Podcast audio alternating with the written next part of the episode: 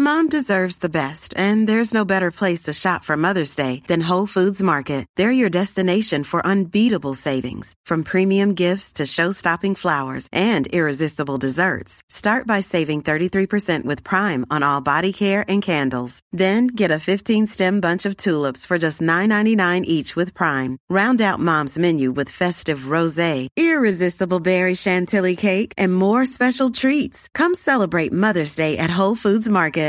This is Paige, the co-host of Giggly Squad, and I want to tell you about a company that I've been loving, Olive and June. Olive and June gives you everything that you need for a salon quality manicure in one box. And if you break it down, it really comes out to $2 a manicure, which is absolutely insane. It's also so easy to get salon worthy nails at home with Olive and June. The difference between how your nails used to look when you did them yourself and now with the Manny system is a complete game changer. The best thing about Olive and June too is it's a quick dry, dries in about one minute, lasts for five days, and full coverage in up to one to two coats. Visit oliveandjune.com slash perfect Mani 20 for 20% off your first system. That's oliveandjune.com slash perfect Mani 20 for 20% off your first system. There's never been a faster or easier way to start your weight loss journey than with PlushCare. PlushCare accepts most insurance plans and gives you online access to board-certified physicians who can prescribe FDA-approved weight loss medications like Wigovi and Zepbound for those who qualify. Take charge of your health and speak with a board-certified physician about a weight loss plan that's right for you. Get started today at plushcare.com slash weight loss. That's plushcare.com slash weight loss. plushcare.com slash weightloss. Er du klar for pod, Øystein? Veldig klar for pod. Det er høst, og det nærmer seg garasjesesong, og vi nærmer oss Oslo Motorshow. Og så er det så hyggelig å få besøk av gjester i Scootspodden. Ja, det her har vi venta lenge på. Nå føler jeg det, er, det, det har vært mye skrotjakt i det Ja, siste. har vært mye ute i felten i det siste. Feltarbeid må jo til, for all del. Men uh, i dag har vi fått besøk av en veldig spennende gjest her i studio. Ja. Som vi gleder oss til å ta fatt på i dagens episode. Ja, vi kjører pod. Du lytter nå til Scootspodden, en norsk podkast om klassisk bil med Jon Roar og Øystein.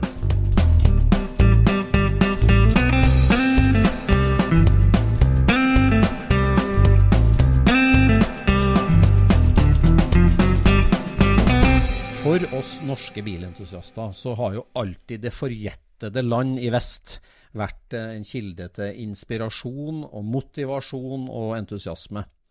Og mange er vi som har pilg hatt pilegrimsferden til USA for å, for å følge med på trender og lære av de store.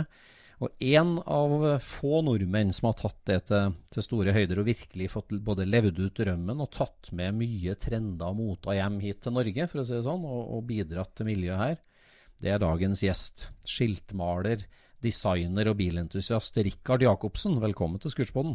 Takk skal du ha. Hyggelig. Du ja. holder jo hus uh, i Larvik, og du, du lytter på podden nå, skjønner jeg.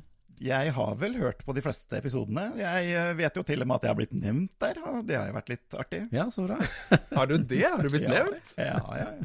ja. To episoder til og med. Oi. Ok. Ja vel, ja. ja.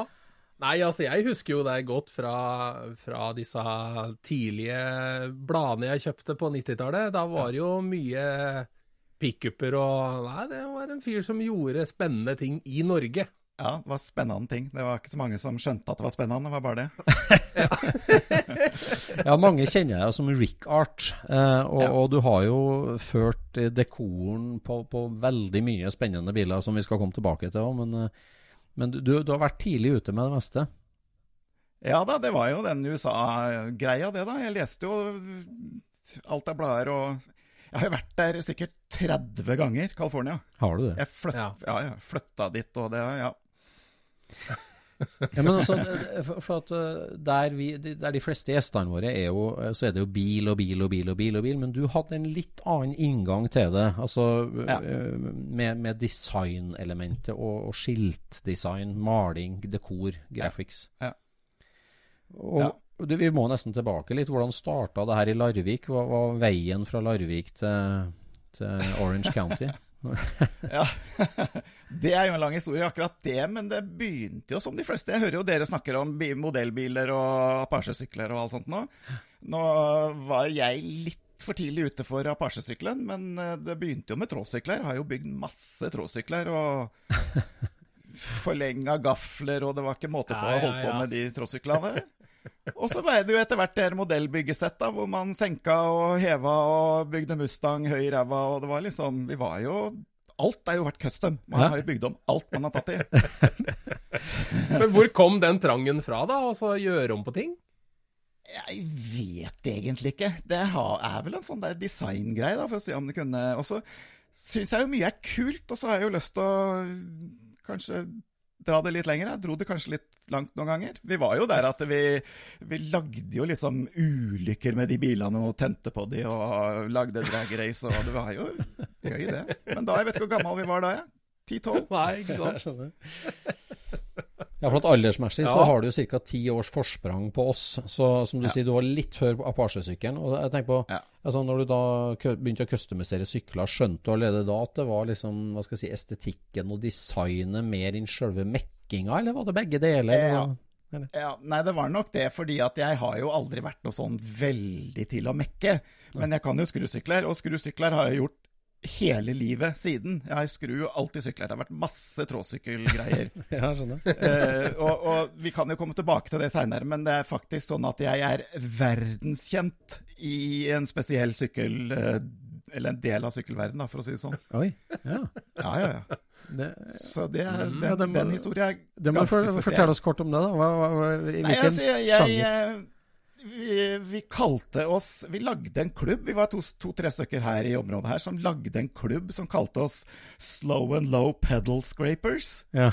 og det var Det er en sånn spesiell sånn sykkel som et merke i USA som heter Dyno. Ja. Som er noen sånne stretched Altså litt sånn Minner meg litt om de der uh, lowrider-syklene, men den er mer vanlig sykkel.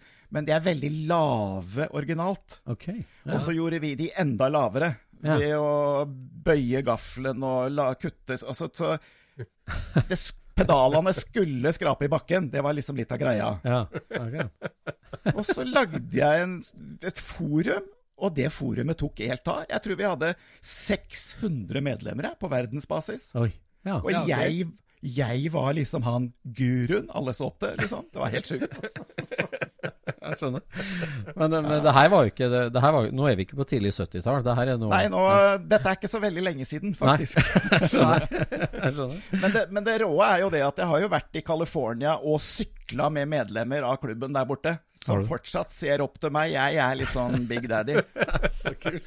Men du har, jo, du har jo en fordel ved å bo i Larvik, da. For det er vel den eneste byen i Norge hvor du kan faktisk sykle to kilometer helt uten å røre pedalene. Ja da, det er mye nedoverbakker. Men, det mye nedoverbakker. de, de syklene er dårlige på oppoverbakke. ja, det vil jeg tro. Så det var jo på en måte eh, vi som ikke hadde råd til Harley. På en måte. Ja. Og, og jeg, det, det, jeg, det de syntes var kult med det jeg gjorde, var at jeg var veldig bra på å lage temaer Altså, jeg lagde en, en, sykkel som så ut som at det var SoCal Hotrod som hadde laga den, ikke sant? Ja, ja, ja, eller, eller, en sykkel som så ut som kanskje den hadde kjørt på Salt Lake eh, med alle de der detaljene som en da Hotrod hadde, men på en tråsykkel. Akkurat. Ja. Ja, ja, for du, du, var så godt befesta i bilverden at, at, du bare appliserte det på sykkel, på en måte. Eller ikke ja. bare, men det var ja. en forskjell du hadde. Og det var noe de andre ikke drev med. Nei, jeg skjønner. Mm. Ja, ikke sant? Ja, ja, ja, Så da ble du Big Daddy i dyno lowrider-miljøet? Ja, så jeg tegna masse temaer som folk har bygd sykler rundt forbi. Jeg tegna temaet, så bygde han i Filippinene den sykkelen, liksom. ja, hva kaller du denne sjangeren i bil, nei, sykkelbransjen, da? Altså Nei, altså custom, altså stretched er jo det gjerne de syklene går for, for det er litt ja. lange. Ja, det er liksom Du kan tenke deg å ha tatt en karak karikatur av en sykkel, og så var det bare strekt den, liksom. Ja, jeg skjønner. Ja. Herlig. Men det, det starta jo ikke helt der, som du sa. Det, det var shoppersykler i Larvik på tidlig 70-tallet. Ja, så kom jo mopedene, da, og på min tid så var det jo saks. Da. Det var jo den som var liksom greia. Den, uh, også den skulle du gjerne ha sånn kometsett på, da, som gjorde at den gikk fortere. Jeg husker ikke hva Det kometsettet var vel fra en 90 kubikker eller et eller annet sånt. noe. Det var i hvert fall veldig mange som Ja, ja, hadde ja. det. Det er sånn. Ja. Bestilt fra Sverige, sikkert. Ja, ja, ja. Det var helt ulovlig og bråka mye mer, men det var jo dritkult. Og pella de fra hverandre og satte de sammen og prøvde å få det til å se ut som en crossykkel, og det var mye rart med de Ja. mopedene. Ja. Men du vet, det her var jo også før Gilera og de tinga der, ikke sant? Det var ikke kommet ennå, det. Nei. Nei, Nei, nei, altså. nei. Så det var de gamle hattkallmopedene egentlig du tok tak i? Ja. Ja. Jeg skjønner. Og så etter hvert så kom jo, kom jo Gilera og de her, og det var jo dritkult. Men eh, Så det, jeg, jeg opplevde det samme som eh, hva, eh, Som, som eh, Apache-sykkelen på mopeden også. Jeg var også litt tidlig ute der. Ja, skjønner. Ja. Ja. Men, men var dere en gjeng likesinna i Larvik da, som, som skjønte hverandre, eller var du Nei. Nei. Jeg har vært en enstøing der bestandig. Har du det? ja. Jeg skjønner. Er Rikard med den rare mopeden, liksom? Ja, ne, men, eller, eller kanskje de syns det var kult. Det vet jeg ikke. Du får spørre. Ja, ja, ja. ja. Har du, har du, har du bilder av gamle Nei, dårlig med bilder fra den tida, det, Ja. dessverre. Skulle gjerne hatt det. Ja, sånn.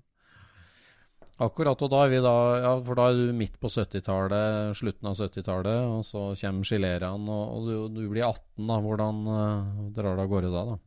Da kjøpte jeg meg en bil, en Peugeot 504 faktisk. Ja. Mm. Og det Linjaldesigna bil. Ja, altså den eh, med rattgir og hele pakka, men den var veldig fin. altså.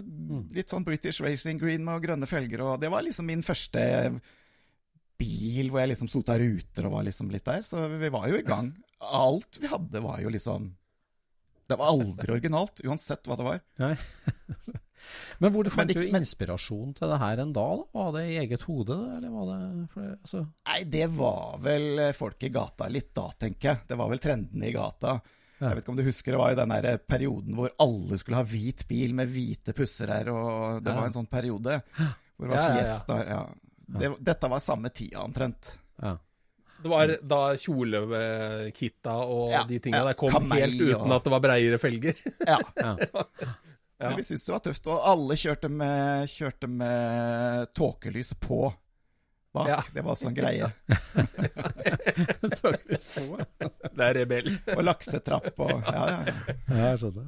Ja. Men så er det jo altså dere da suget etter USA, og, og hele det design, grafisk design-dimensjonen. Hvordan øh, når, når begynner du å kjenne på den nerven? I, Det hadde med Jeg blei jo veldig opptatt av firehjulstrekkbiler. ja. ja. Jeg havna i, litt i det miljøet, og jeg tror at Jeg vet ikke om du husker, men i Back to the Future-filmen, Ja, en av ja. filmene der, så sto det en svart Toyota Hilux i garasjen. Ja, ja. Ja, Som han hadde fått av mora si, eller et eller annet sånt. noe. Ja, ja. Den bilen har jeg vel aldri glemt. Så Med den- gule Casey Daylighters på. Det er helt riktig. Ja. Og det verste er det, jeg var jo i USA nå i april nå. Den første bilen som stopper for meg i fotgjengerfeltet utafor flyplassen, det er en som har bygd en kopi av en sånn en. Så det har blitt en liten greie, det. Den bilen der. Endelig hjemme. Ja, ja, ja. ja. Nei, så den, den starta nok en sånn firehjulstrekk-greie, så jeg har hatt havna i Hilux-verden og leste firehjulstrekkblader og Ja. Så var det jo firehjulstrekklubb her, 4x4 Drivers og Offroaders Norway, og vi heva bilen med å løfte ram, eller karosseriet fra ramma, og det var mye ulovlig. Jeg husker jeg ble stoppa av politiet, og han lå under bilen og målte hjula, og det var helt sjukt. Jeg, jeg kom inn på politistasjonen for å klage på ei bot, og da sier han politisjefen Å ja, det er deg som har den fantastiske bilen. Ja, det henger bilde av den her på, for skrekk og advarsel. Ja, det var, men, men, men igjen, var for tidlig ute. Ja. Nå kjører folk med sånne hjul. Ja, ja. Ja, ikke sant? Ja. ja, for la oss tenke årstallet. Altså Back to the Future-filmen, den kom vel eh, Var det 83? 86 eller 85? 84? Ja, jeg er nok, dette er nok litt tidligere. Jeg kjøpte nok min første Hilux i 82, tenker jeg. Ja, akkurat. Ja. Ja, da var du tidlig ute. Men da var det jo ja, det var det svenske bladet, hva het det igjen? Fi- Fire ganger fire? Nei. Ja. ja. ja. Four-wheel drive heter det. Four wheel drive. Four drive, heter det. Ja. Mm, mm, akkurat. Hvordan blei firehjulstrekk til skiltmaling? Det lurer jeg litt på nå. Nei, Altså, grunnen til at jeg havna i skiltbransjen, var jo det at jeg var var vel flink til å tegne, og samla på klistremerker. Ja. Ja. Og så var jeg jo i en sånn klistremerkefabrikk i arbeidsuka i 9. klasse. Så det var jo man, Altså, alle, alle valgtimer på ungdomsskolen var jo tegning. ja. Vi Ja, ja, hadde jo aldri noe annet, verken gym eller matte eller noe. Det var bare tegning alltid. Men da tegna du bil og motorsykkel, da, eller? eller? Eh, Egentlig ikke så mye. Nei. Nei. Så det, det Men, men det, det, jeg fikk jo noen helter sånn i den derre offroad-verden, da, som er liksom sånn Som på en måte er litt sånn Altså helter som man aldri har glemt, liksom. da. Som, eh, så, og, og det er alltid så her amerikanske biler som er de kuleste. Det var jo liksom Laredo og, og Jeep og Wrangler og alle det her sånn. Ja. Så det blei jo liksom Den styra mot det amerikanske. Ja, men Hilux, var det, var det fordi det var billig inngangsbillett, eller var det Ja. ja. Ja. Mm, akkurat. Og de blir jo tøffe, og det er jo en egentlig veldig bra bil. Den tar seg jo veldig fram. Det blir jo tøft.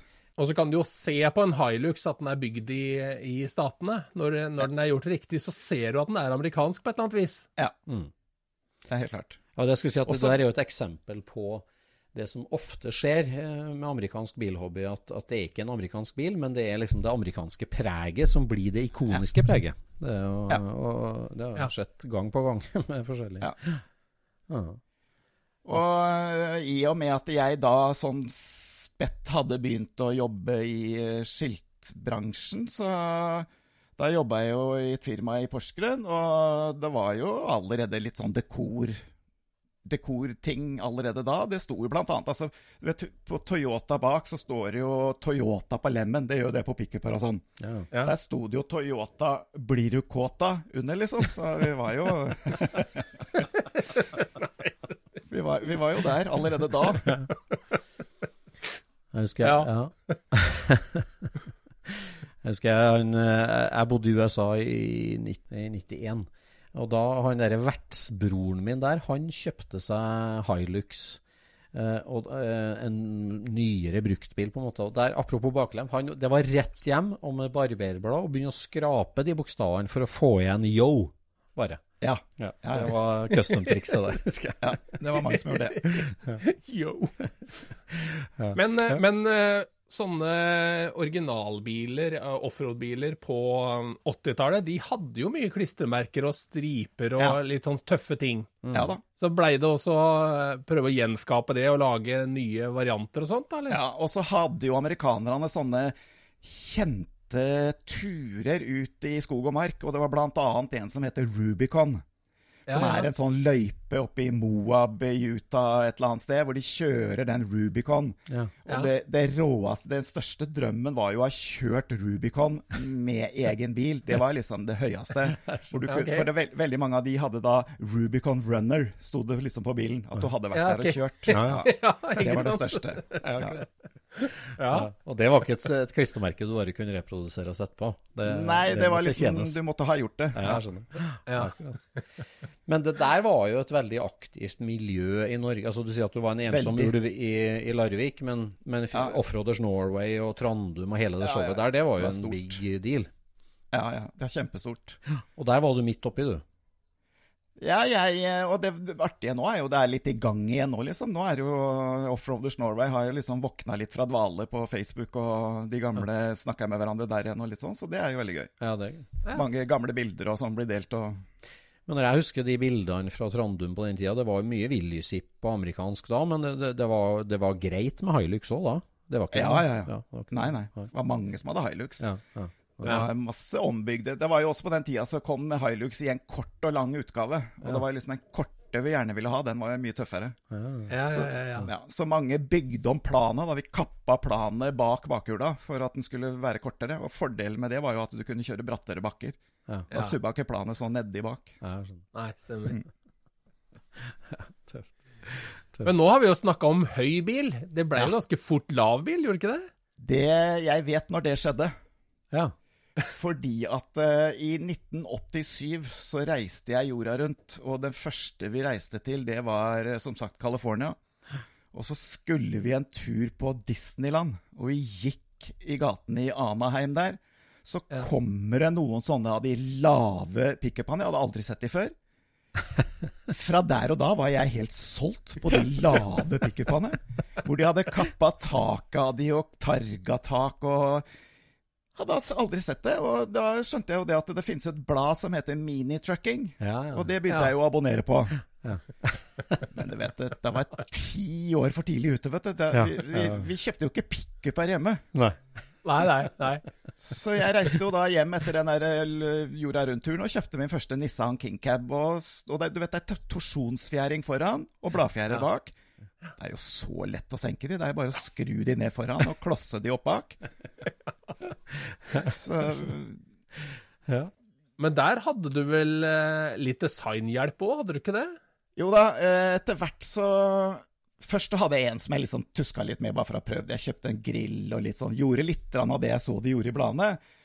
Men så bygde jo en til, som det blei tatt litt mer eh, Hvor jeg får hjelp av diverse. Morten Bensen blant annet har vært mye inn og bredda og gjort ting. og etter hvert så fikk jeg jo, traff jeg jo Stein Arne Lindvall, som lagde RCM-hjul. Han fikk jeg hjul av, Ja. så det blei mye sånt. Også etter hvert så blei jeg jo sponsa av Haifi-klubben. Ja. Ja. På dette er vel Hilux, eller uh, Nissan King Cab nummer tre, kanskje. Jeg har hatt mange av de. ja.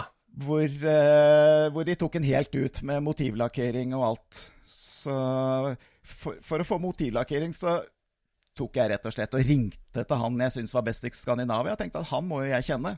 Ja. Så jeg Ja. ringte til Ingvar Einebrandt. Ja. Da bodde han tilfeldigvis i Tønsberg, så vi møttes og bonda vel en god del. Så han lakka den med ja, Sikkert mange som har sett den. Den var sponsa av Haifi-klubben. Ja. Var mye rundt i Norge på den tida. ja. For det var jo den som, hvor malinga rant nedover ja. et sånn blå marmor eller noe sånt? var ikke det? Respatex-lignende marmor. Og så var det Ja, ja. Greia var jo det at jeg var veldig opptatt av han tegneseriefiguren Viggo. Så det var jo et Ja. Viggo-tema, hvor Viggo liksom gikk og tråkka i malinga og skulle koble den ene høyttaleren som var bakpå. Det husker jeg på. Ja, ja, ja. Det, Ja. ja, ja. Og en Servin Vega på bakluka, var det ikke det? Ja, og så var, så var det jo et stort merke som, eh, som hifi-klubben hadde, var jo Phoenix Gold, kabler. Ja. Så Ja, det ja, ble jo litt, gjort litt greier ut av det kabelgreiene. Ja, stemmer. Nå er vi på slutten av 80-tallet. Eh, nei, nå har vi nok kanskje tipp... Ja, Ja. rundt 90. 90-90. Men Også, jeg altså, husker jeg kjøpte mitt første bilsport. Der hadde du gjort en innsendelse til lesernes biler, og det var Ja. den blå Targa Datsun-pickupen. Ja. Stemmer ikke det? jo da, den kom de jo og laga reportasje på, men det havna jo i four-wheel drive. ja. Fordi at det var en pickup. Ja, stemmer. men det ja. var egentlig feil bil å ha i four-wheel drive. Men ja, den, det som var gøy med den, var jo at eh, den endte jo opp med at eh, jeg fikk jo en tegning av Lørs. ja. Ja. Så jeg har jo hatt, eller nå har jeg sikkert den, men jeg hadde jo originaltegningen av Lørs. Og den ble jo, den ble jo laga som en sånn centerfold-plakat i, i det bladet. Tegningen Ja, de gjorde det, ja. av bil av Lørs. Ja, ja. Men altså, når du da Altså, første pilegrimsferden, 1987. Ja. Du er noen og 20 år eh, og, og kommer hjem til Norge. Da, da har du kjørt Offroaders Norway, og, så, og da skal det være senka. Så slo du helt Ja. av bryteren på høy firehjulstrekker, da. Det var slutt med Ja. over natta, det. Ja. Ja. Det var det. For da hadde du brakt minitrucking til Skandinavia, rett og slett. Så var det noen artsfrender da i hele tatt? da? Så var det Nei. noen som skjønte? Nei, ingen. Nei. Rett fra parkeringsplassen på Disneyland og til Larviks Ja gate. ja da. Ja. Herlig, herlig, herlig. Det, var, Ja. de hadde, det, det som var litt greia i det her, eh, som kanskje tiltalte meg mye da, var jo den her De, de hadde en sånn saying på en måte i minitrucking-verden. Det var, skulle være cheap tricks. Altså det, det skulle være custom, men det skulle ikke koste noe. Nei. Så det var liksom sånne triks, triks som at eh, de lima logoen opp ned, eksempel. Ja. Ja. Det var liksom sånne ting. Akkurat. Og så var, det- var det veldig mye sånne neonting, og det var jo midt i neon-rosa-tida der her sånn. Ja. ja. Og så Fjerna dørhåndtak og sånt, da, eller? Ja, ikke nødvendigvis så drastisk, men eh, kanskje bytte speiler og litt sånne ting. Ja, ja. Det mest drastiske var jo det der de gjorde med å kappe taket av de. Ja. Ja. For det er jo en sånn eh, en artig liten trend som eh, vi har sett i folkevognverdenen òg, når du ser på de, de tidlige gutta som drev med Calluc. De lagde jo bare klinere og klinere biler, og lavere og lavere polerte hjul alt sammen. Og når de slutta med det, da begynte de med minitrucking. Da var det polerte fuksfelger på grisesenka Datsun.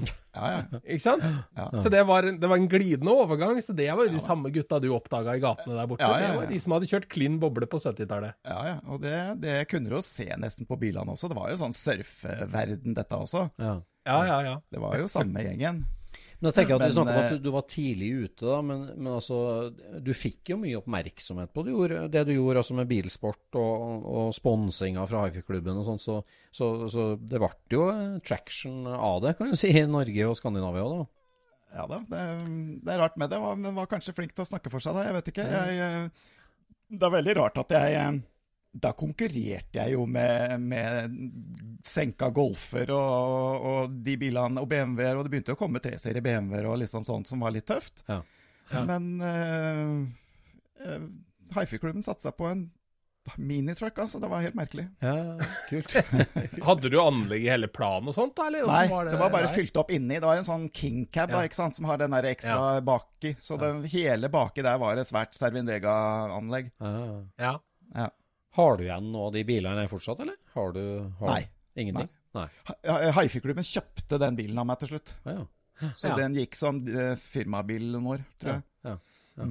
Jeg husker det at uh, hver gang jeg så en eller annen modifisert bil i Larvikstraktene, og uh, for eksempel jeg så en eh, svart dobbeltkabiner, der var alle logoene splæsja med maling i forskjellige blåfarver, og noe rosa og noe sånt, da, da tenkte jeg alltid på deg. Her har nok Richard vært.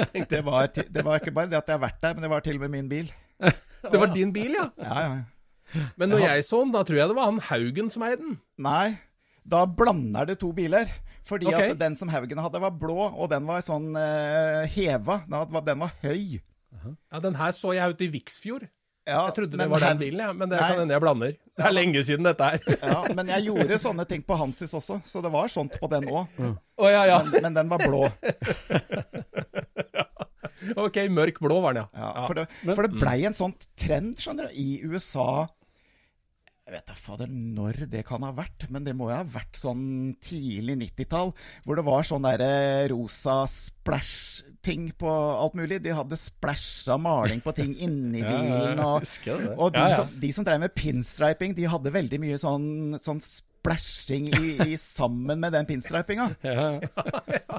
Og det gjorde jo For jeg leste jo om det i bladene og hadde jo sett det i virkeligheten, ikke sant? Så jeg gjorde jo det på bilene jeg kom hjem fra uh, USA den sommeren. ja. Hva faen er det du driver med, liksom? og det blei jo gjerne gjort rett på lakken. Du er, du er mottagelig for, for trender, må jeg si. Ja da, absolutt. Ja, for etter den pilegrimsferden i 87, da, så, så ble det jo altså, Vi må ta med oss litt det her designelementet med, med skiltedesign og alt det. For at du eh, Altså, du, du plukka opp minitruck-trendene, men, men altså, du var jo der for å studere eh, design og skiltmaling. Ja, ja. Hvordan Altså, fra tegninga på ungdomsskolen og, og design der, så, så ble det en ordentlig sterk interesse for deg, det derre det, Ja, ja. Jeg eh, møtte en Vi var på noe som de kalte et airbrush-party i eh, Ja, det husker jeg ikke. Det var i Orange County et eller annet sted. Ja. Og, og det var eh, et firma som heter Coast Airbrush, som var liksom store i de her airbrush-magasinene. Ja, Det okay. Coast Airbrush det arrangerte et treff for airbrush-artister. Ja. Ja. Eh, og der var det en kar som eh, holdt kurs i bladgull, ja. eh, som het Steve Davidson. Han Og eh, blei jeg kjent årstall der med. nå, årstall det, nå bare for å ha det på noen knagger. Ja, det årstall nå er vi på 91. 91, ja. Mm, Ja. ja. Eh, Dette er før jeg flytta bort der. Eh, han og jeg vi blei med han hjem. Han drev firma hjemme fra garasjen. Han hadde, han hadde apekatt i bur i garasjen, faktisk. Ok. Ja, så, sånn, der, sånn Pippi-apekatt, sånn der Mr. Nelson-apekatt. Den Ja, apekatten het uh, One Shot, som er navnet på den malinga ja, ja, som de bruker. Eh, og da blei han og jeg enige om at eh, jeg skulle prøve å komme bortover og drive sammen med han. Fordi at eh, min styrke da i forhold til det amerikanerne De hadde kommet så langt på vinyl. Altså folie. Mens vi i Europa var lenger framme på folie. Akkurat i den tida der sånn. Ja. Ja. Så han ville lære folie, og jeg ville lære male med pensel og bladgull og de tinga der sånn. ja. Ja. Akkurat. Så jeg flytta bort da jula i 92. Ja. Og starta jo da det firmaet California Science and Designs sammen med Steve Davidson. Ja. Og Steve Davidson en av, eh, hadde et stort navn da. Han hadde et stort navn allerede da. Ja. For det, de her, det fins jo blader for skiltverden, som, annet et som heter Science of the Times. Ja. Og det har jo da eh, konkurranse en gang i året om å gjøre å Altså beste bladgull, beste bildekor, beste butikkfasade. Og han hadde vunnet beste bladgull to år på rad, som den eneste som hadde vunnet det to år på rad. Så han var, han var veldig flink. Ja, akkurat. Ja. Men, uh, men dessverre Hva skal jeg si? One of those lazy, stupid Americans. Han var ikke Han var mer opptatt av å spille basketball med sønnen sin, dessverre. Ja. Oh, ja. Så det ble ikke noen bibliotek av det? Nei, det gjorde ikke det. Akkurat. Men du fikk lært deg bladgull, da? Jeg, eh, Det var jo litt spesielt akkurat det, fordi at eh, i bladgullverden, hvis man er liksom sånn litt oppi det i sånn skiltmann, da, så er det en gud som heter Rick Glawson, som holder til borti Los Angeles, som driver, eller dreiv da han er død nå, et firma som het vel noe sånn Fine Daddy Gold eller et eller annet sånt noe. Ja. Han eh, fikk jo jeg da selvfølgelig gå på kurs hos. Så jeg har gått på kurs hos eh, The Man. Ja, jeg vet ikke hvem jeg skal Ja, den største av de. Den gjeveste gull, bladgullmannen. Ja. Fy faen. Gjorde du det? ja. Så Har du gjort mye bladgulljobber, da? Ja, så der som jeg jobba Jeg hadde jo permisjon på dette her sånn, så der som jeg eh, Jeg fikk jo jobben tilbake når jeg kom tilbake, og da blei det en del bladgull. Vi har gjort litt bladgull for litt gullsmeder og litt sånne ting. Ikke brannvesenet i Larvik, altså. Nei, det hadde jo vært helt rått. Men hva er liksom altså, hva, hva er greia med det derre Altså he, hele det med signpainting i USA, altså det som liksom håndverk For at det, det, det stussa litt på, for eh, når jeg har vært i USA, så liksom han derre The Sign Painter, han som har den derre kofferten med pensler og one-shot-glass i. Altså, På samme måte som at i hver bygd hadde en skomaker og en bensinstasjon, så hadde de en sign painter også. Og, og det der håndverket levde jo med så innmari lenge. Sånn kjempegammeldags håndverk som Altså, i USA, der, der man var innovativ og nyskapende hele tida, så var det her en sånn eh, gammeldags håndverk som hang med veldig lenge, eller henger med veldig lenge. Og er, er, Hva er greia med det, liksom? altså, du vet, i, I Norge så har det alltid vært en adanka kunstner som, eh, alt, som også kunne tegne bokstaver. ja. Det har aldri vært et fag, liksom, sånn som det har vært der borte. Nei, altså. Nei. Og du vet, det faget det fins jo ennå. Ennå så maler de jo bokstavene til skiltmakeren eller til eh, snekkeren rett på døra på bilen. Ja. Ja, det gjør det. ja, for her er det jo bare folie og datamaskin. Altså, Ja. Mm. Ja, det er fortsatt så er de litt uh, old school på det, altså. ja. ja. Ja. Så, Så det er jo det jeg, jeg, jeg ville lære. Men det er vel ganske ofte at det blir malt striper og sånt nå på forhandlere, på Ja, ja, ja. biler. ja, ja masse. Det driver de med masse, gjør de ikke det? Masse, ja, og det var der jeg oppdaga den derre splash-trenden. Det var hos en forhandler. En stor pickup-forhandler på Firestone Boulevard. Ok. Fordi, eh, og det fargevalget og det der, det er sånn, jeg syns det er det de er så flinke til. Å finne den tredje farven som løfter den bilen til neste nivå, liksom. ja. De er så ekstremt gode på det. Ja. Ja. Ja, det er viktig, altså. For, for um, Øystein har jo en, eh, en um, Thundersodder, den, eh, den rallybilen. Der ble det laga noen sånne scallops på etter, bak lyktene. Bilen er jo grå, og så var det vel burgunder, de der eh, de scallopsa, var det ikke det, Øystein? Mørkegrønn, tror jeg. det ble. Er de mørke Nei, det er det ikke. Jo. Er det det? I hvert fall så fant vi da en komplementær eh, one-shot-farve, som vi da kjørte rundt den scallopsen, og det gjorde bare Det ble 100 ganger så tøft. Ja, ja det Du så, det, du så det ikke før du var helt innpå, men det gjorde en kjempeeffekt, altså. Ja, Du ser jo det veldig mange når de lager flammer, f.eks. Flammer med forløpning og alt sånt nå. Så pinstriper er i kanten med lyseblå. Ja. Ja. Ja. Ja. Plutselig så popper det mye Ja, ja, ja. bedre. Ja. Ja. ja. Ja. Og Ja, det er klart- kunst. Ja. Ja, så når du, altså Etter første jordomseilinga di da, i, i, i 87, altså når du da vendte tilbake til USA, så oppsøkte du primært eh, airbrush, signwriting, pinstriping-miljøet, egentlig. Ja. du. Og, og, Ja. ja, og, og, men linken der, da finnes det pinstripere som ikke er bilinteressert? Eller er, det alltid linka til bil? For å si sånn? Nei, altså om det fins pinstriper som ikke er bilinteressert, det vet jeg ikke. Men, eh, men, men det var jo noen som var store pinstripere, som også i dag er kjente navn i bilverden. Ja. Jeg hadde jo en, en helt som, eh, som jeg leste om i skiltbladet, som heter Steve Stanford. Han var jo stor eh, pinstriper, men han er jo også helt rå på å tegne bil. Ja. Eh, og, og han har jo blitt så stor etter hvert at han han var jo bl.a. med å designe Eleanor til Gone in 60 Seconds. Ja. Og han er jo egentlig en skiltmann. Ja. ja. Ja, ikke sant? Så, så du vet det, det Jeg møtte jo igjen mine helter fra skiltverden i bilverden. ja akkurat. Ja, ikke sant? Ja, og så jeg, jeg hadde jo lest om, eh, om eh, Jeg vet ikke om du husker navnet Tom Taylor. Jo, jo. Han var en Ja, av ja, de ja. Jeg elsker Tom Taylor. Tom Taylor, og han var en av de første som du liksom så i bladene, som hadde litt sånn custom hotrodder og lave foran, litt overdreven og litt sånt noe. Ja. Elska Ja, ja. stilen hans. Ja. Ja. Og den turen vi var på i 91, så hadde jeg et ønske om å treffe han. Ja. Eh, men så er det liksom, hvordan skal du gå fram og treffe han, liksom, uten at du tilfeldigvis skal gå på han? Så i, i de her uh, trucking og minitrucking og alt i bladene her, sånn, så var det veldig ofte en lakkerer som er brukt som het Pete Santini. Ja. Ja. Så vi oppsøkte Pete Santini på Ja, det var vel i Huntington Beach eller et eller annet sånt. nå. Ja, dro og besøkte lakkverkstedet hans, rett og slett. Ja. Ja. Ja. Mens vi var der, så kommer Steve Stanford innom. Ja. Det er bare eh, altså, Starstruck, ja.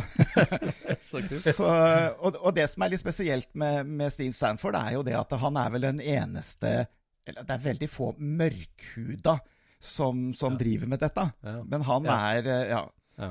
Ja. Ja. Men eh, Så jeg snakka mye med han, kikka på bilen hans, så på pinstriping han har gjort. Da kom jo han med et eller annet sånn custom, noe sånn eh, vet ikke, Husker ikke om det var Mercury eller et eller annet. Full av pinstriping, både innvendig og utvendig. Og akkurat sånn som du okay. mener at han skal ha. Ja. Ja, ja. Men så kommer vi snakk om også Tom Taylor, og da sier jo eh, Pete Santini at Tom Taylor han bor jo hjemme hos meg nå, for han hadde jo akkurat gått fra kjerringa. Å, Så han ringte jo rett, rett til Tom Taylor og sa det at eh, vi har en kar her som er interessert i å møte deg. Ja. Så da reiste vi hjem til Tom Taylor og bladde i blader som lå i skapene, og Fy Ja, det var, ja, det var helt rått. Det var helt rått. Men hva, hva, hva, er liksom introlinja di da? I'm, I'm from Norway and I like to meet you? altså? Ja, jeg, åpninga var vel gjerne det at jeg hadde med meg bilder av ting jeg hadde gjort her hjemme. Liksom sånn folieting og sånn. Som eh, vi viste fram litt hva jeg gjorde, og så viste fram han litt hva han gjorde. Ja. ja. Og så er man jo litt sånn at man sier jo det at uh, vi er stor fan, liksom. Ikke hva du Ja. Ja. Og de liker jo å høre det, og amerikanerne er jo glad i å vise fram ting. Men Ja. Tom Taylor han tegna bil for Boyd Coddington en del uten det? Ja, ja. Ja. Dette, var, dette var rett før Chip Foose var inne i bildet. Ja. ja, ikke For da var det Tom Taylor som var hoveddesigneren der for Boyd. Ja. Ja, han gjorde nok mye. Han, men han var veldig frilans. Han vet ikke om han jobba rett og slett for Boyd, men han gjorde mye for Boyd. Han har gjort mye av de kjente roddene fra den tida der. ja. Ja. Chesoom, var det Tom Taylor? Nei, det, tru, nei, det tror jeg eh, kanskje ikke var han. Eh, for han hadde jo en som uh, for, Jeg husker ikke hva han het, men som gjorde mye fra Cadillac. De gjorde mye Cadillac-greier. Ja, ja. ja, Bill Erickson, eller Ja, er, ja, Larry. Eriksen, da? Ja. Larry, Larry. Erickson, Larry ja. Ja, men ja, ja. Ja, men jeg vet ikke om han Ja, ja. ja. Ja, ja. Han gjorde blant annet Catzilla, ja. Ja.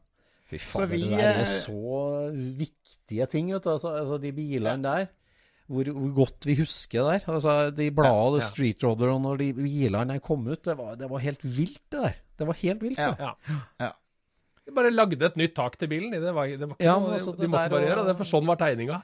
Ja, jeg, så da, da gikk det fra liksom fra, fra sånn hotrodding og litt sånn cust, tradisjon custom til dere liksom å bygge en helt ny bil, liksom. Altså, det, det, Ja, helt, ja. altså, det var en Altså, de bilene der var jo, det var jo basert på en bil, men det var jo et nytt design. Det var jo liksom Ja. Og det Fy fader, så kult det der var. Ja. Og du vet, Tom, Tom Taylor var jo kjempefolkevogninteressert. ja. Han var jo, Var det? det var jo i folkevognbladet han begynte. Ja, det det? fordi for på dette her eh, Humbug som lå på Tjøme, Ja. der var jo plakaten hvert eneste år. Der var det jo tre eller fire Tom Taylor-designa bobler. Ja. Grisesenka med, med billetfelger, sånn som jeg husker det. Ja. ja, Ja. ja. Men, eh, men det, som, det som skjedde vet du, med, med Tom Taylor, var jo det at uh, ja, vi, var, jeg, jeg tror vi var flere ganger hos han. Men jeg blei såpass kjent med han at vi begynte å brevskrive, for dette var jo før mail og så, så, sånne ting. Og, og så var det en kamerat av meg som skulle bygge en bil som jeg hadde litt lyst til at uh, Tom Taylor skulle liksom på en måte ha tegna bilen. Ja. Ja. Som, som en sånn overraskelse da, når han skulle begynne å bygge den. Ja. Eh, da snudde pipa veldig, for da blei han så sinna og sur fordi at jeg kunne være så frekk og be han om å gjøre sånne ting. Oi. Så da, ja, da var han litt sånn høy på seg sjøl at uh, dette koster jo, jeg kan ikke drive med sånne ting, liksom. Nei. Ok. Så eh, det blei litt, sånn, ble litt sånn ekkelt. Jeg vet ikke helt hvorfor han reagerte sånn. Jeg, eh, det var jo bare en forespørsel, men jeg Yes. fikk en sinna, sinna brev tilbake. At jeg kunne være så frekk. Sinnabrev. Ja. Ja, ja. Men så flytta du da i 91-92 og, og, og starte firma og, og prøve ja, American Dream rett og slett borti der. Og skal, skal leve av eh, bilmaling eller skiltmaling? Ja. Eller? Begge deler. Ja. Mm. Ja. Og det, det som var morsomt med han Steve Davidson, var jo det at han var, eh, han var en sånn som gjerne ville Hvis noen sa at det ikke gikk an, så skulle han gjøre det. Ja. Det var liksom sånn, De har jo noe i, i den bladgullverdenen som heter glue chip.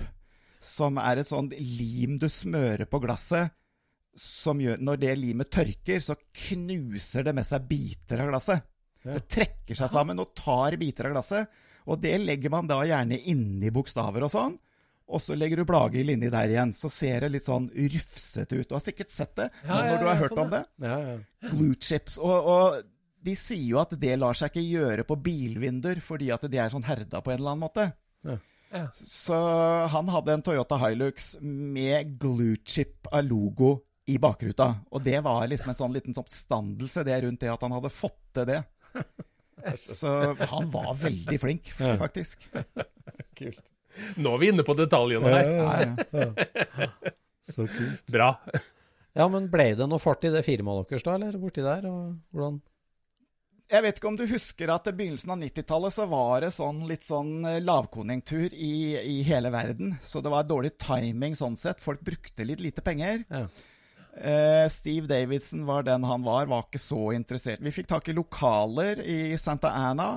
Mm. nå holdt jeg på å si adressa. Det er South Standard Avenue het den gata. Ja.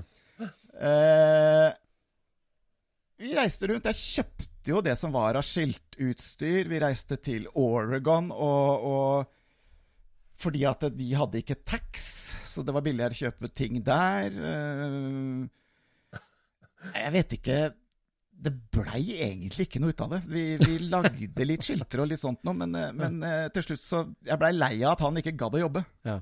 Ja. Ja. Så jeg blei kjent med en eh, Ja, først så blei jeg jo kjent med Kent Nei, med Bernt Karlsson, Ja. han boblemannen. Ja. Han dreiv jo firma der borte som het da Classics by Bernt. Ja. Lå på Catella Avenue, rett i nærheten av Boyd. Ja. Eh, han var vi jo stadig vekk innom hos, og der traff jeg en annen svenske som het Kent, som drev et firma som het California Landau. Han gjorde altså interiør og kalesjer og sånn for bl.a. Uh, Boyd-bygde rodder og sånne ting. Ja. Ja. Så da var jo vi med bort til uh, Kent og eh, kjørte Boyd-bygd rodd på veien i Ja, det er Faen, det var Det var høy eh, Det var peak eh, Ja, det- era, det høyt der, der da, i altså. California. Altså. Ja. Herregud, Ja. det 90-tallet der. Rød Boyd-bygd rodd med Nede, jeg husker ikke hvem gate vi kjørte, men det var, det, den sitter lenge, den der. Men. Men når det gikk litt dårlig med han, eh, med han Kent og California Science and Design, så tok jo jeg det jeg hadde betalt og kjøpt, og flytta ned til han Kent. Han bodde nede i, i Seal Beach. Og det blei jo litt greier ut av det for han eh, Steve Davidson. Altså Amerikanerne er jo glad i å kjøre med våpen i ha- hanskerommet. Og når de er, når de er sinna eller irritert på noe, så I wanna shoot some cans. Mexicans. Å jeg såpass. Ja. Så jeg spøka alltid tilbake. I wanna shoot some cans. Americans. Så, så, jeg, så jeg måtte få sånn restraining order, faktisk, på han. Fordi at han eh, prøvde Altså sånn at da kunne ikke han komme nærmere enn 500 meter, så kunne de arrestere han. Så det var en dag For jeg begynte jo å jobbe hos han Kent på den her uh, Kalesh-butikken hans. Og vi følte at vi ble overvåka.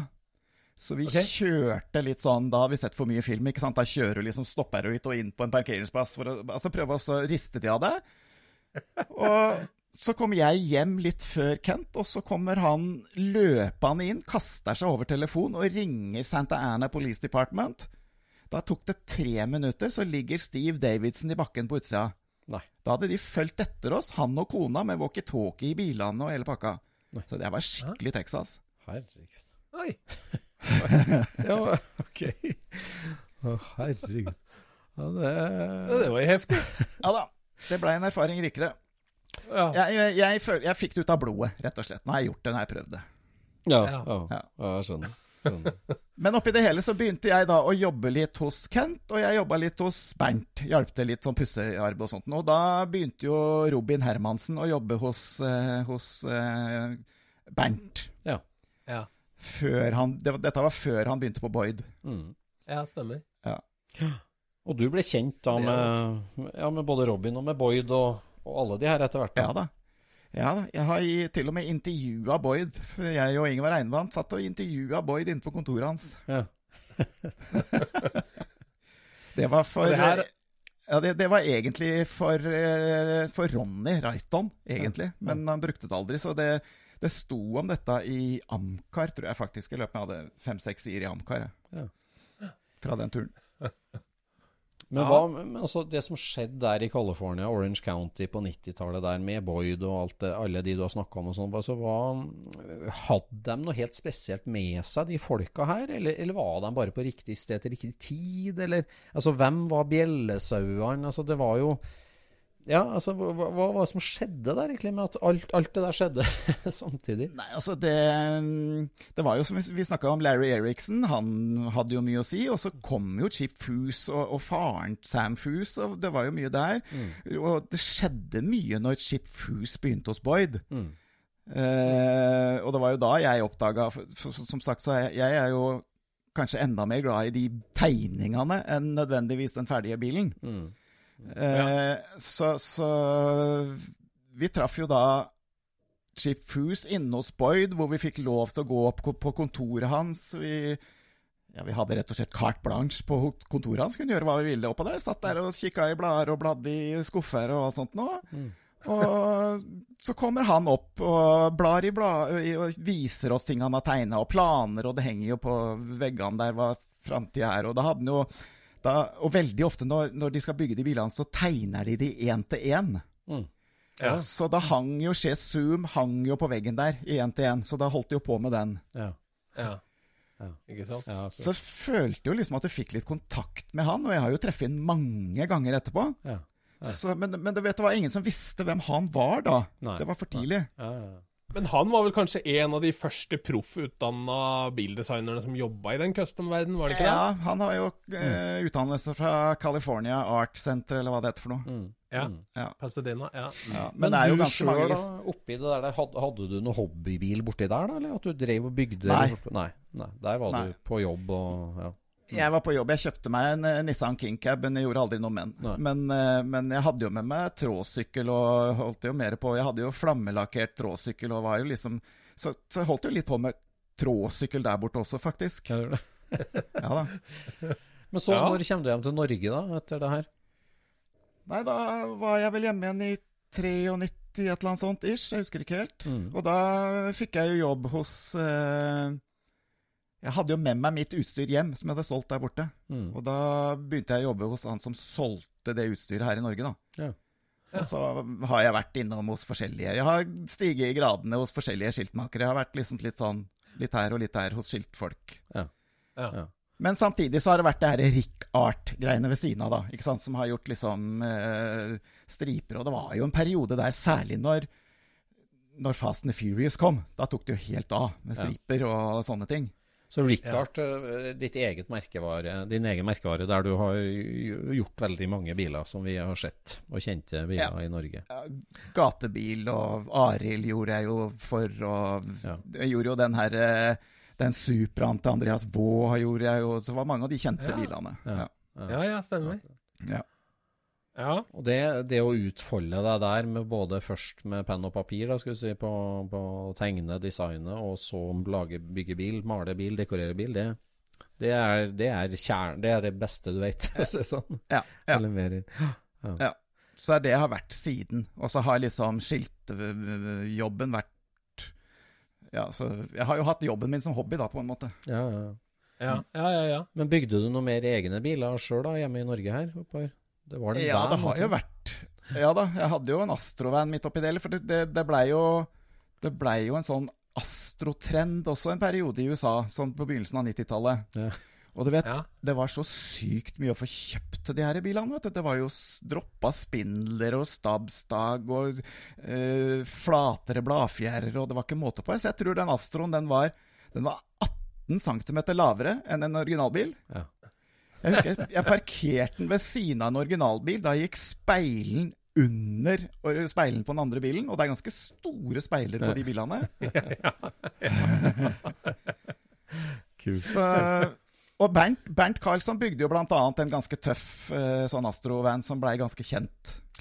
ja. Så det var jo litt sånn eh, fordi jeg hadde opplevd det. Og det, vi var også besøkt en haug Det var mange sånne der eh, Astro pickup-firmaer som poppa opp, som blei litt sånn døgnfluer, men blei veldig store. De satsa noe enormt. ja. ja. Så Men var det en Astro 1 eller 2? én. En, en Astro 1, ja. Ja. ja. Den aller korteste. det var noen i Norge som skjønte noe av det da, når du bygde den? Jeg vant jo på noe sånn der Ekeberg vårmønstring, et eller annet greier. da, Noe beste van. Ja. Ja. Men, Men den eh, var, jo, den var jo ordentlig tøff, da. Altså, den gikk jo inn i kategorien modifisert bil, liksom. Ja, da, ikke, ja da. Om du ikke starta noe trend, så skjønte jo alle hva du dreiv med. på Ja da, og det, var, og det var jo den her Vi hadde jo den grillen som de alle kjørte med uten løkter. ikke sant? Sånn Grillen var foran hele greiene. Og, Ja, ja, ja, ja. og vi tok jo løkter fra LED-lys fra Volvo, og det, vi gjorde jo mye sånt. Kappa jo tak, fjerna takstativet og flytta inn fanger her og gjorde liksom alle de triksa de gjorde i USA. Det var, dette var Morten Benson, Benson Car Custom, som han kalte seg på den tida, som gjorde. Ja. I Porsgrunn, ja. Ja. Ja. Så han har hjulpet meg mye med sånne ting opp igjennom. Ja. ja. skjønner. Men eh, nå i dag, da, er det bare tråsykkel, eller har du noe custom-bil nå? Ja, nei, jeg har vært innom litt kaféracer motorsykkel eh, de siste to-tre åra. Ja. Men eh, nå har jeg bare tråsykkel. Men eh, den kaféraceren den måtte jeg nesten selge, for jeg fikk så bra betalt for den. Men eh, jeg savner den jo hver eneste dag, for å si det sånn. Hva er det som er så kult med tråsykkel, da? Og den greia der? Nei, jeg vet ikke. Det er, eh, det, er, det er fordi det er billigere enn bil. Det er vel det det er. Ja. ja. Ja, det er det jo. Ja, Man stifter jo familie, og det er jo, man kjøper seg nytt hus, og det er mye som stopper det. Så. Men jeg er jo fortsatt Jeg er jo på alt det som er av treff og alt sånt nå. Og det, jeg hjelper andre. Jeg er litt sånn supervisor for andre når de skal bygge bil. Ja. Sånn, som, ikke sånn som nå Fredrik har bygd den herre F100-en med som ser Ja. ut som det er gammel lakk og alt sånt. nå. Der er det jo veldig mye jeg som har tipsa han om hva han burde gjøre. Ja. Jeg skal ikke ta på meg æren for den bilen, Nei. men Nei, nei. Er... Det er- mye Richard på den, for å si det sånn. Ja, jeg skjønner. Ja. Nei, men også få, få litt innspill på sånne ting. Altså, det, det grafiske er jo veldig ofte prikken over i-en på Ja. en bil. Ja. Det er der jeg kommer inn. Ja. Det er, og det er det jeg Ja. liker. Prikken over i-en. Ja. Når, når de er ferdig, så begynner jeg.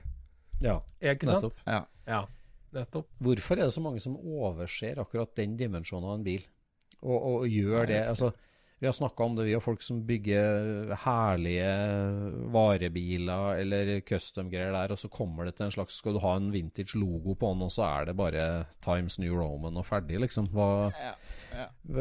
hvorfor skjønner ikke bilfolk hvor viktig det her er, designgreier? Nei da, det Vi kjører fortsatt eh, American Racing eller Centline, liksom. Det Mm.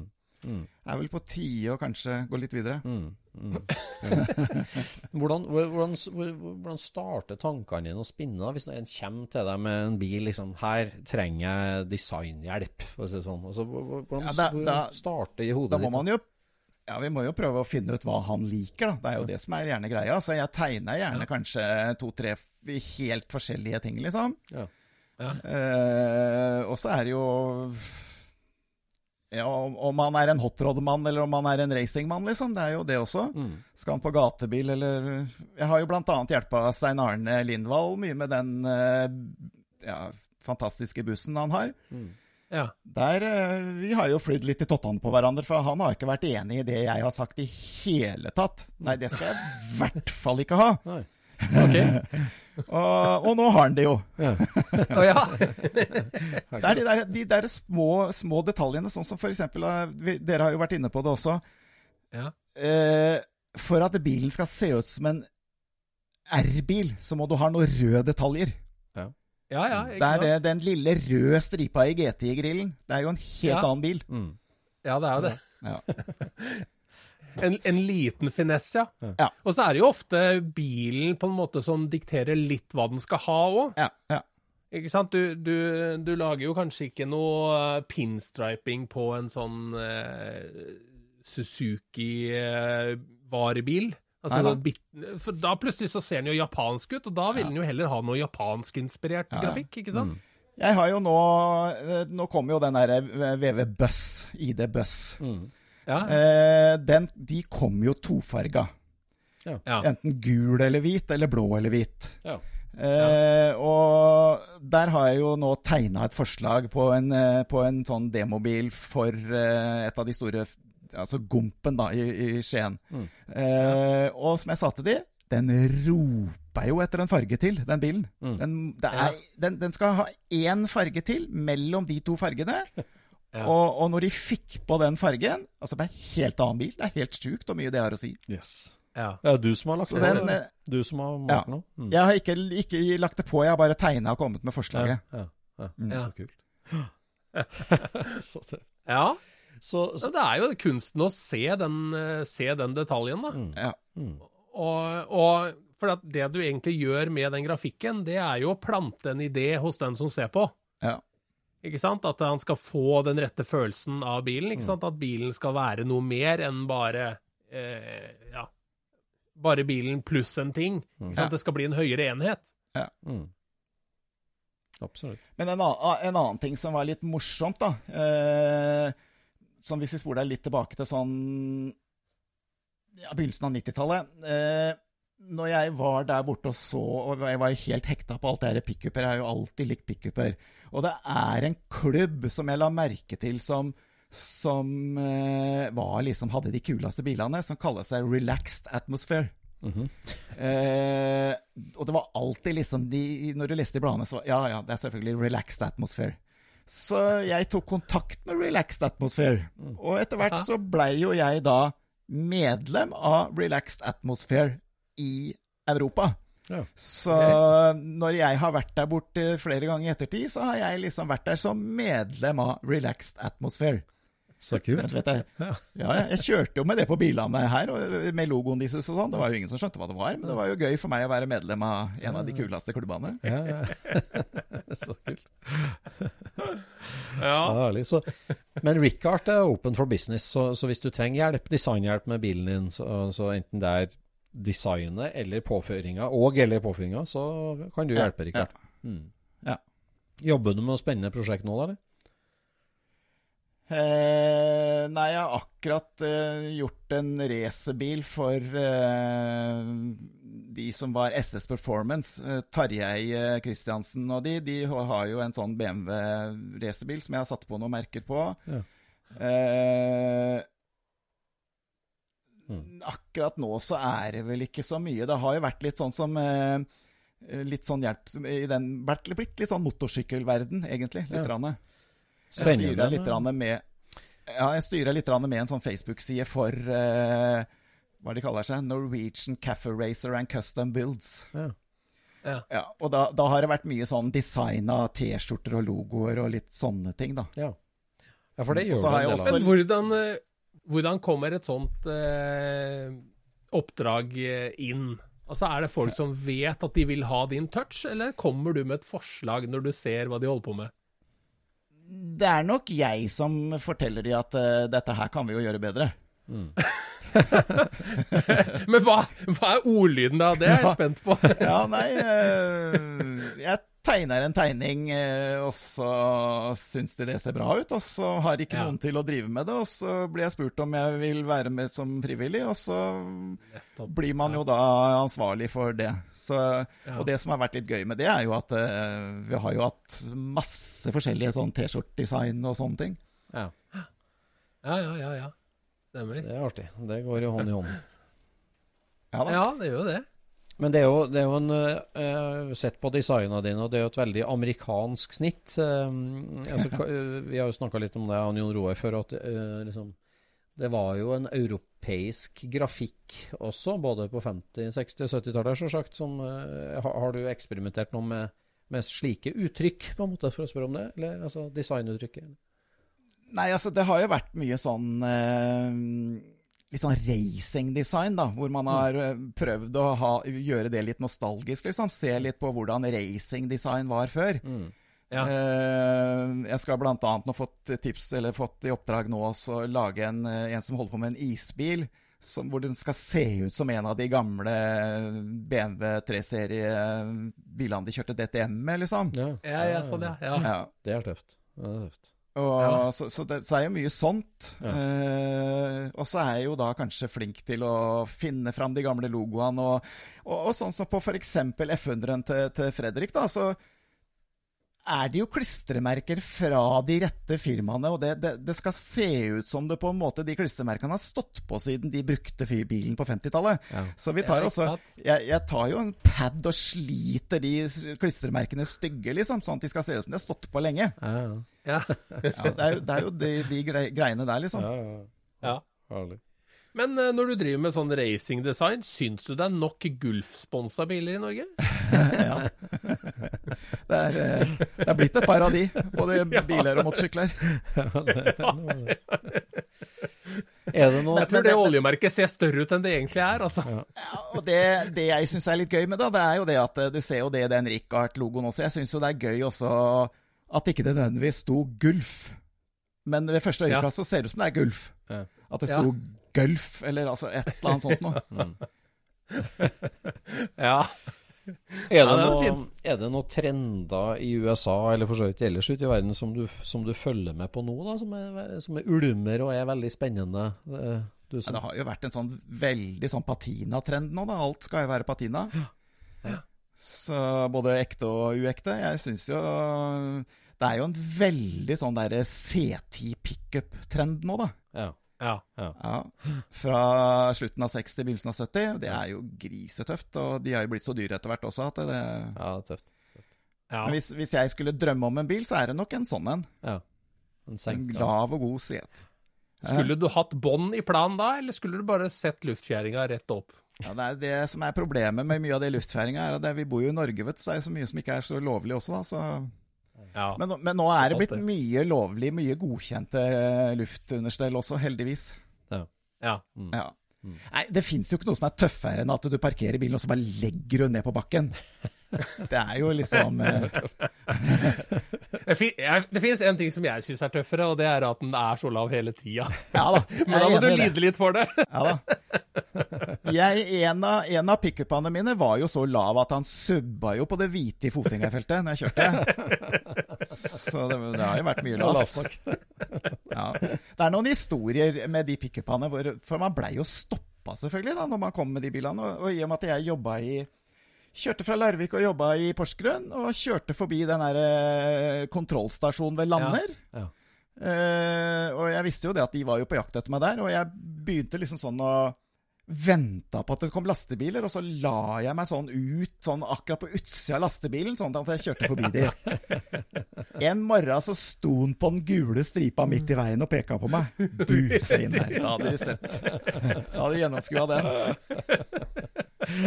Og da, og da, du vet, de, de har jo en sånn kant rundt den der grava, for de skulle ha meg inn på grava. Jeg kom jo ikke inn på den kanten. Sjanseløst. Sånn er det, vet du. Ja, du vet, og, de, og den bilen den kjørte jeg jo på Biltilsynet. Jeg tenkte at nei, ok, nå skal jeg vise den på Biltilsynet og se hva som skjer. Mm. Og da var det Julius Ansgar Løkke i Larvik, en av de eldre folka der. Mm. Og så ville han ha meg ned i den her Du vet, jeg hadde sånn bremsetestgreier som er litt ned i Ja. gulvet. Ja. Hvor du kjører bort, og så detter du litt nedi den, og så skal det Mm. Da sto jo min bil på ramma, den, med hjula i lufta. så vi måtte ha flere mann for å få løfta den ut igjen av den bremsetesteren. Nei, altså, for jeg, jeg har jo da vært eh, Sema er jo liksom det store. Sema i Las Vegas i Ja, ja, november. ja. Det er jo det store som alle har lyst til. Det er jo der alle trendene er. Det er jo der alt starter. Mm. Eh, og i og med at jeg har møtt Chip Foose ganske mange ganger, så har jeg tenkt at nei, fader, jeg skal ha Jeg må få tatovert signaturen hans. Men du vet det også, for, få fatt Chip Foose Han er jo blitt popstjerne. Ja, det er jo helt håpløst. Han er jo Michael Jackson, Ja. liksom. Ja. Så, så har han jo sånne der eh, signeringssessions da inne på, på Sema, hvor du må stå i kø og så håpe at du kommer fram. Og der har det vært flere ganger hvor jeg liksom Det nærmeste jeg har vært, det har vært at det, han foran meg blei sistemann. Ja, akkurat. Da tenker jeg, ja, da, da er liksom sånn OK, det er ikke meninga. Jeg gir opp. Og så, og så var det en dag som vi var bare på utsida der, og du bare suger inn miljøet, og du, han som jeg var der med, var litt sånn Ferrari-interessert, så vi var og kikka på noen Ferrarier, og han fira noen og fikk lov til å sitte inne i de og sånn. Og så kommer den bilen som Chip Foose har på messa, den derre Cadillacen, den blå Cadillacen, den kommer kjørende, og det er Chip Foose sjøl som kjører forbi der vi står. Oi. Og så går den bilen tom for bensin akkurat der vi står. For du vet, de har, de har sikkert ikke lov til å ha mye bensin på de bilene inne på messa. Nei. Og du vet da hvi- Hvis ikke du spør nå så, Men jeg torde ikke. Jeg var så starstruck. Men han derre Jensemann da, som jeg reiste med, han gikk rett bort til Skipshus og sa det at han karen her, han må du snakke med. Og det blei en eh, lang, hyggelig samtale hvor han da tegna en hotrod på beinet mitt og signerte. Som jeg da igjen gikk rett bort til nærmeste tatosjappe og tatoverte. Ja. Og, og det som har vært gull med den tatoveringa, er jo den at den har vært en døråpner etterpå. Hvis Skipfus ikke har hatt tid, så spør jeg bare ja, har du tid til han med tatoveringa. Da har han alltid tid. Så det- han, han er den, den hyggelige personen du har sett på overhauling og på TV og alt sånt nå. Det er sånn han er. Ja. Ja, ja. Det er sånn. Ja, det er veldig bra. Så kult. Det er eksklusiv tatovering. Det, Herlig. da, jeg må innrømme at eh, da begynte jeg å grine. Det var såpass. Ja, det, det satt langt inne, altså. Det må jeg si. Det var ikke under tatoveringa, det. Det var før tatoveringa òg. Ja. Nei, det var Ja, før, før tatoveringa. Nei. Nei, det var veldig hyggelig, Rikard, at du eh, tok deg tid og svingte inn hos Scootspoden. For det, vi har jo sett bilene, og vi har sett bildene, og, og, og, det, og takk for det du har bidratt med til å, pl- til å plukke trendene og ta dem med til Norge. For at eh, det er jo alle de her enkeltmenneskene og, og inspirasjonen som gjør denne lekegrinda så kul. Ja. At alle kan chime in, kan du si. Og det, du har vært en viktig brobygger der. Veldig artig. artig. Takk for det.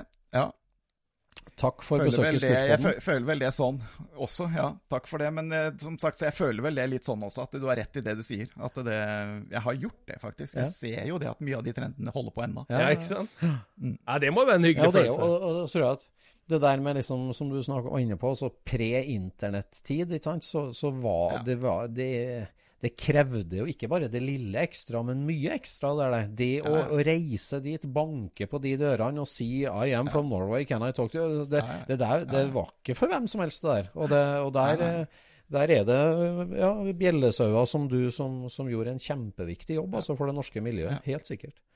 Ja. Og skandinaviske Ja miljø. Så det Stor takk for det. Det er sånne folk vi liker å snakke med i Skurspodden. Det er det. Det er bra. Ja. Det er bra. Veldig hyggelig. Da sier vi takk for i dag, og så snakkes vi på neste biltreff. Det gjør vi. OK. Ha det bra. Ha det. Scootchpoden produseres av SSC Media, med god hjelp av VV Norge og Trond Dahl for hosting, Knut Micaelsen for musikk. Abonner på Scootchpod via podcaster eller Acast, og følg Scootchpod på Instagram og se det vi snakker om. Der kan du også komme med kommentarer og innspill, og fortelle oss hva du vil høre om.